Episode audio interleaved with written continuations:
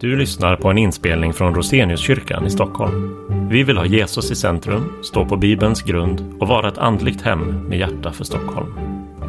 Vill du veta mer om oss? Besök vår hemsida eller vår Facebooksida. Och välkommen på en gudstjänst.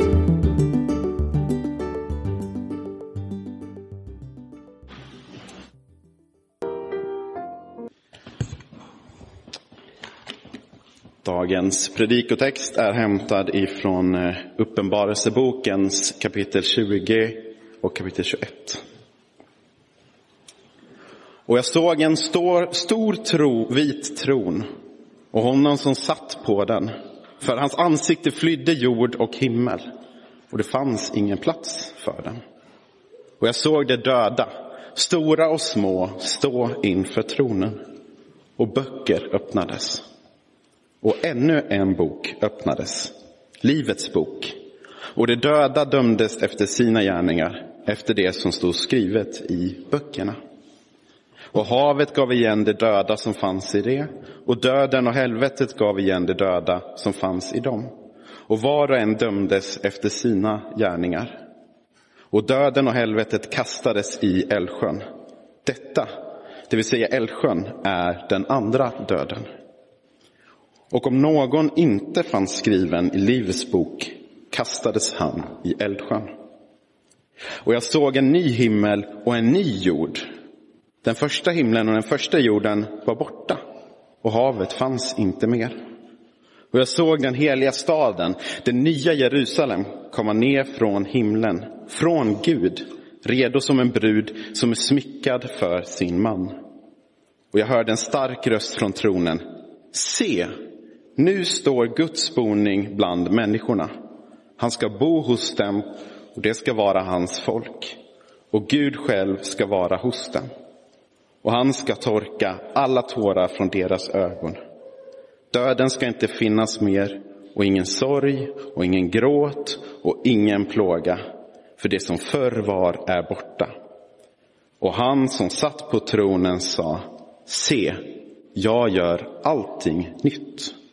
Och han sa, skriv, för dessa ord är trovärdiga och sanna. Så lyder Herrens ord. Gud, vi tackar dig.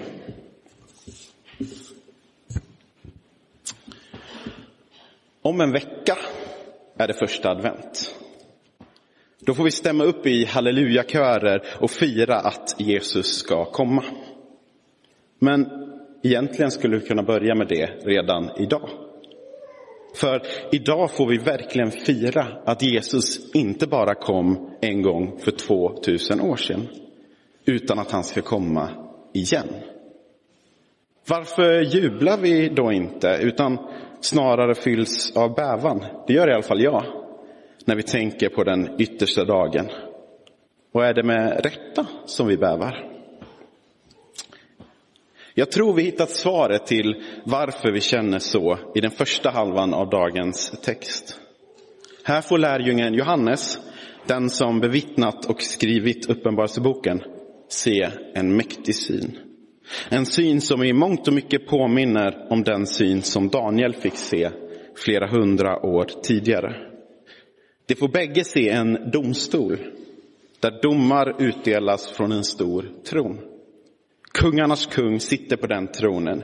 Gud i hela sin härlighet sitter på sin tron för att döma och ingen kommer undan. Det finns inget ställe att gömma sig. Alla, hög som låg, rik som fattig, liten som stor, står inför Guds domarsäte.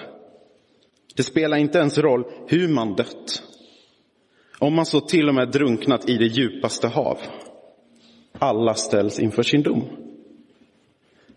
Böcker där hela ens liv står nedtecknat läses upp.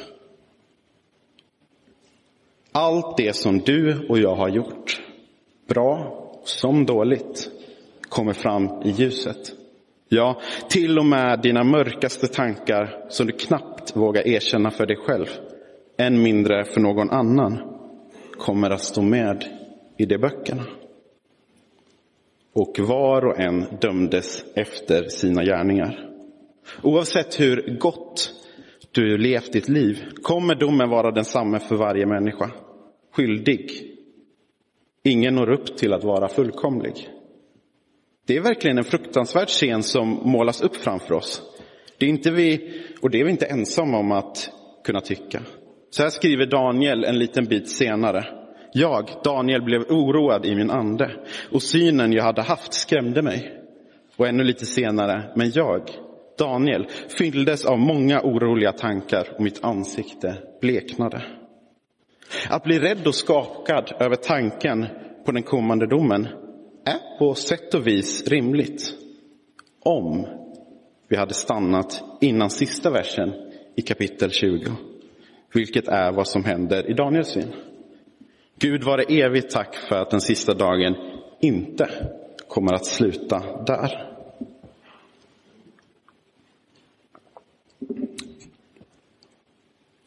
Det som förändrar allt är ännu en bok. Livets bok. Det står, och om någon inte fanns skrivet i Livets bok kastades han i Älvsjön. Till skillnad från de andra böckerna så innehåller Livets bok bara namn. Här står inte något om vad du eller jag gjort eller någon annan. Utan här står bara sida upp och sida ner av namn. Eller det står vad en person har gjort. Precis i början. För där står vad Jesus har gjort. För denna bok, Livets bok, innehåller alla de som blivit frälsta genom Lammets blod. Genom att Jesus tog på sig domens konsekvenser istället för dem. Så hur gör man sig förtjänt av att stå i den boken? Det går inte. För det handlar om nåd, inte förtjänst. I dagens evangelietext ger Jesus nyckeln till att stå med i Livets bok. Jag säger er sanningen. Den som hör mitt ord och tror på honom som har sänt mig, han har evigt liv. Han drabbas inte av domen, utan har gått över från död till liv. Alltså, du som hör Jesu ord och tror på honom som har sänt Jesus, får stå med i Livets bok. Du har redan idag i evangelietexten hört Jesu ord. Tror du på Gud? Är svaret ja på den frågan, så står du med i Livets bok. Så enkelt är det för oss. För Gud kostade det allt. Men för oss kostade det ingenting. Men Jesus säger ju att vi inte ska dömas. Och Johannes skriver att vi kommer att dömas. Hur går det ihop? Ja, Jesus säger att vi som tror på honom inte ska drabbas av domen. Det vill säga, vi kommer inte att få lida domens konsekvenser. Vi kommer inte att behöva ta straffet. En lite haltande liknelse är ett eh, presentkort. Det är ju snart eh, Black Friday, så liknelsen passar åtminstone tidsmässigt. Guds frälsning är då som ett presentkort med en gigantiskt belopp. Var och en som vill får ta emot detta presentkort helt gratis. Men oavsett om man har ett presentkort eller ej så måste man ju gå igenom kassan för att se hur mycket allt kostar. Det som har presentkort får se det ofantliga priset. Men det ser också att presentkortet täcker det hela mer än nog. Det som saknar presentkort får se samma ofantliga pris men måste betala själv. Detta leder oss vidare till vad som händer med det som saknar presentkort, det vill säga det som inte står med i Livets bok. Det står att det kommer kastas i Älvsjön, den andra döden. Vad är detta för ställe? För att få reda på det behöver vi backa lite. Lite tidigare i kapitel 20 så slängs djävulen i Älvsjön. Och i vers 14 så slängs döden och helvetet i Älvsjön. Det låter som att det är helvetet det talas om, men så slängs helvetet i det. Hur går det ihop? Här har eh, folkbibeln försvårat till det lite. Det som slängs i Älvsjön tillsammans med döden är på grekiska Hades. Och en bättre översättning istället för helvetet är dödsriket. Så Älvsjön är alltså helvetet. Vad är då helvetet? Johannes får inte se vad som händer de människor som slängs i Eldsjön. Så exakt vad som händer med dem, där de tvistade lärde.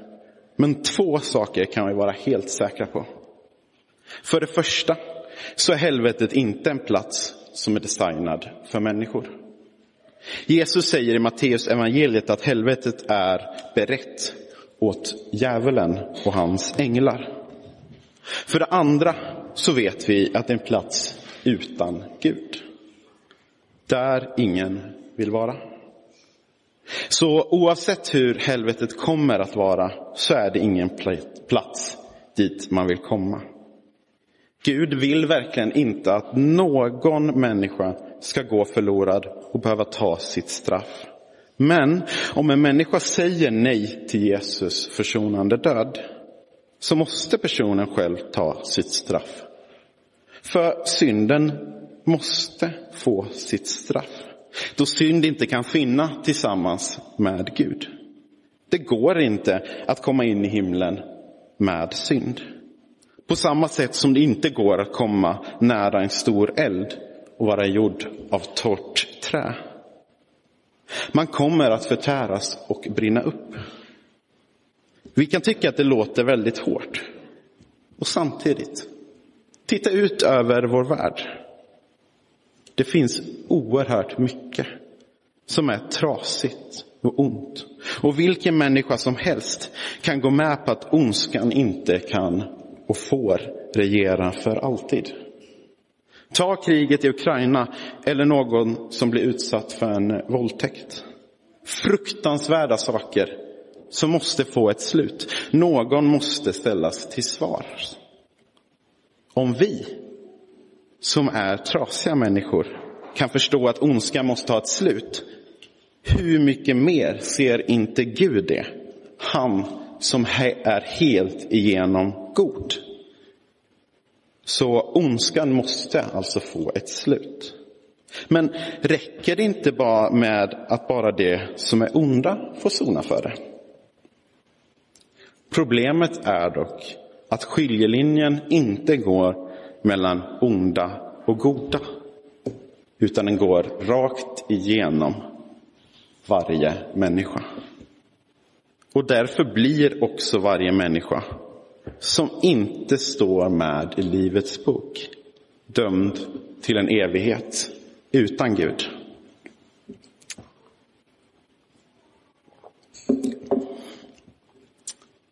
När vi så går in i kapitel 21 förändras hela bilden. Vi har precis, för att låna Paulus ord från Korintierbrevet, sett döden, vår sista fiende, försvinna för alltid. Och nu kommer en ny jord och en ny himmel. Eller förnyad är nog en bättre term. Precis som Jesus när han uppstått fortfarande var Jesus. Men samtidigt var det något som var annorlunda. Han var förhärligad och förnyad. På samma sätt kommer hela skapelsen att bli förnyad. Här är det viktigt att uppmärksamma en sak. Det vi brukar kalla för himlen är inte någon andlig verklighet där det frälsta flyter runt utan någon kropp. Himlen kommer att vara en fysisk verklighet. Jag själv trodde länge att en dag när jag dör så kommer jag till något oklart andligt tillstånd. Men det är inte vad Bibeln lär. I början skapade Gud himmel och jord och allt det var gott innan syndafallelsen. Skapelsen i sig är alltså inte ond. Och här i slutet kommer Gud återskapa och återskapa. Och vi får en ny himmel och en ny jord. Lite som att vi har skapelsen här. Allting är gott och så blir syndafallet. Och så faller allting ner och vi är här nere och först vid den nya jorden och nya himlen så kommer vi upp till där allt är gott igen. I himlen, den nya jorden, är vi tillbaka till vad Gud tänkte från början. Utan ondska, lidande eller död. Allt det är borta. Det är hoppet som vi har. En evighet där syndafallets konsekvenser inte längre finns kvar.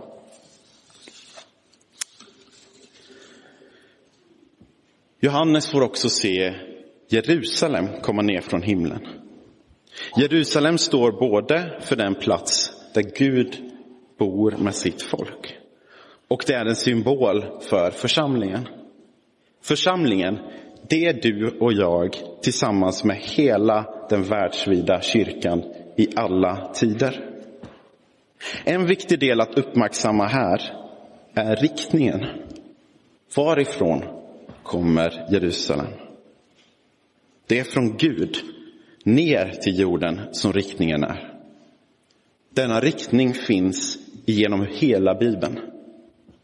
Från begynnelsen, när Gud gick runt i Edens lustgård, till hur Gud gång på gång möter Israels folk genom sina profeter, till att han slutligen själv blir människa i Jesus.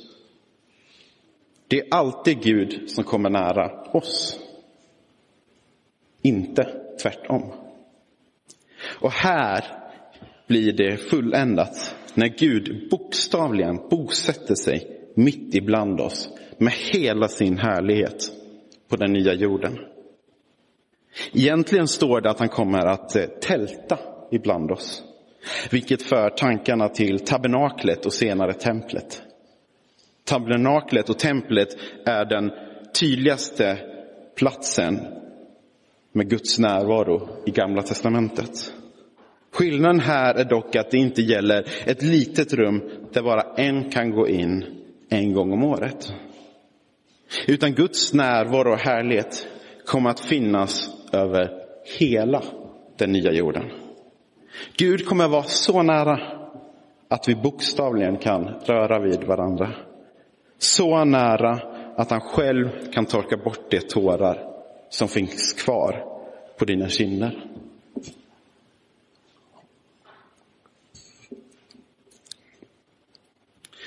Johannes inte bara ser den nya jorden och en ny himmel och ett himmels Jerusalem. Han får också höra en röst. En röst som bland annat säger det skall vara hans folk. I större delen av Bibeln finns det ett Guds folk. Ett Guds folk, judarna. Men här står det inte längre folk i singular utan folk i plural. På den nya jorden kommer alla folk att vara Guds folk. Sedan tar Gud själv till orda. Se, jag gör allting nytt. Detta är rubriken och sammanfattningen för den plan Gud satte i verket redan vid syndafallet. Att göra allting nytt. Och nu är den fullbordad. Djävulen, ondskan, lidande och död är för evigt utplånat och allting är nytt. Bibeln knyts igen, knyts ihop där den började med att Gud skapar något nytt. Fast denna gång är det ännu bättre. Detta är verkligen ett hopp att bära med sig. Hur ofta används inte frasen du ska se, det blir bättre. Som ett försök att eh, trösta den som går igenom något svårt. Utan att man egentligen kan garantera att det kommer att bli bättre. Men vi som tror på Gud vet att en dag kommer det att bli bättre. Det har vi Guds löfte på och det Gud säger är sant. Gud fortsätter och säger skriv för dessa ord är trovärdiga och sanna. En uppmaning riktad till Johannes, men också i vidare bemärkelse till dig och mig. En uppmaning om att ta vara på budskapet och sprida det vidare så att fler får veta. För det är ju bara genom att höra om Jesus och hans frälsningsverk som fler kan få sina namn skrivna i Livets bok. Där har du och jag ett uppdrag. Så för att summera. Jesus kommer tillbaka en dag och då kommer alla, levande och döda, att dömas utifrån sina gärningar. Den som då inte tror på honom kommer inte ha sitt namn i Livets bok, utan kommer gå evigt förlorad. Vi som står i Livets bok kommer att få se hur syndafallets konsekvenser, ondskan, lidande och död får sitt slut. Istället för en fallen värld får vi en förnyad fysisk skapelse där Gud kommer att bo mitt ibland oss. Detta är verkligen något att sjunga hallelujakörer, fira och längta efter. Låt oss ta vara på det och berätta om det för andra. Vi ber. Jesus, tack för att du en dag ska komma tillbaka. Tack för att all ondska, lidande och död har ett slut. Att du kommer att göra allting nytt. Tack för att du kom hit till jorden, blev människa och tog det straff som vi förtjänar på dig själv. Tack för nåden att få stå med i Livets bok helt utan förtjänst. Hjälp oss att se allvaret med domen, men samtidigt förtrösta på att du redan gjort allt. Låt den dag då du kommer åter komma snart. Men vänta dock ännu en tid. Låt fler få höra om din nåd och kärlek, så att Livets bok, den dag den öppnas, är fylld till bristningsgränsen med namn. Ära vare Fadern och Sonen och den helige Ande, så som det var av begynnelsen, nu är och skall vara, från evighet till evighet. Amen.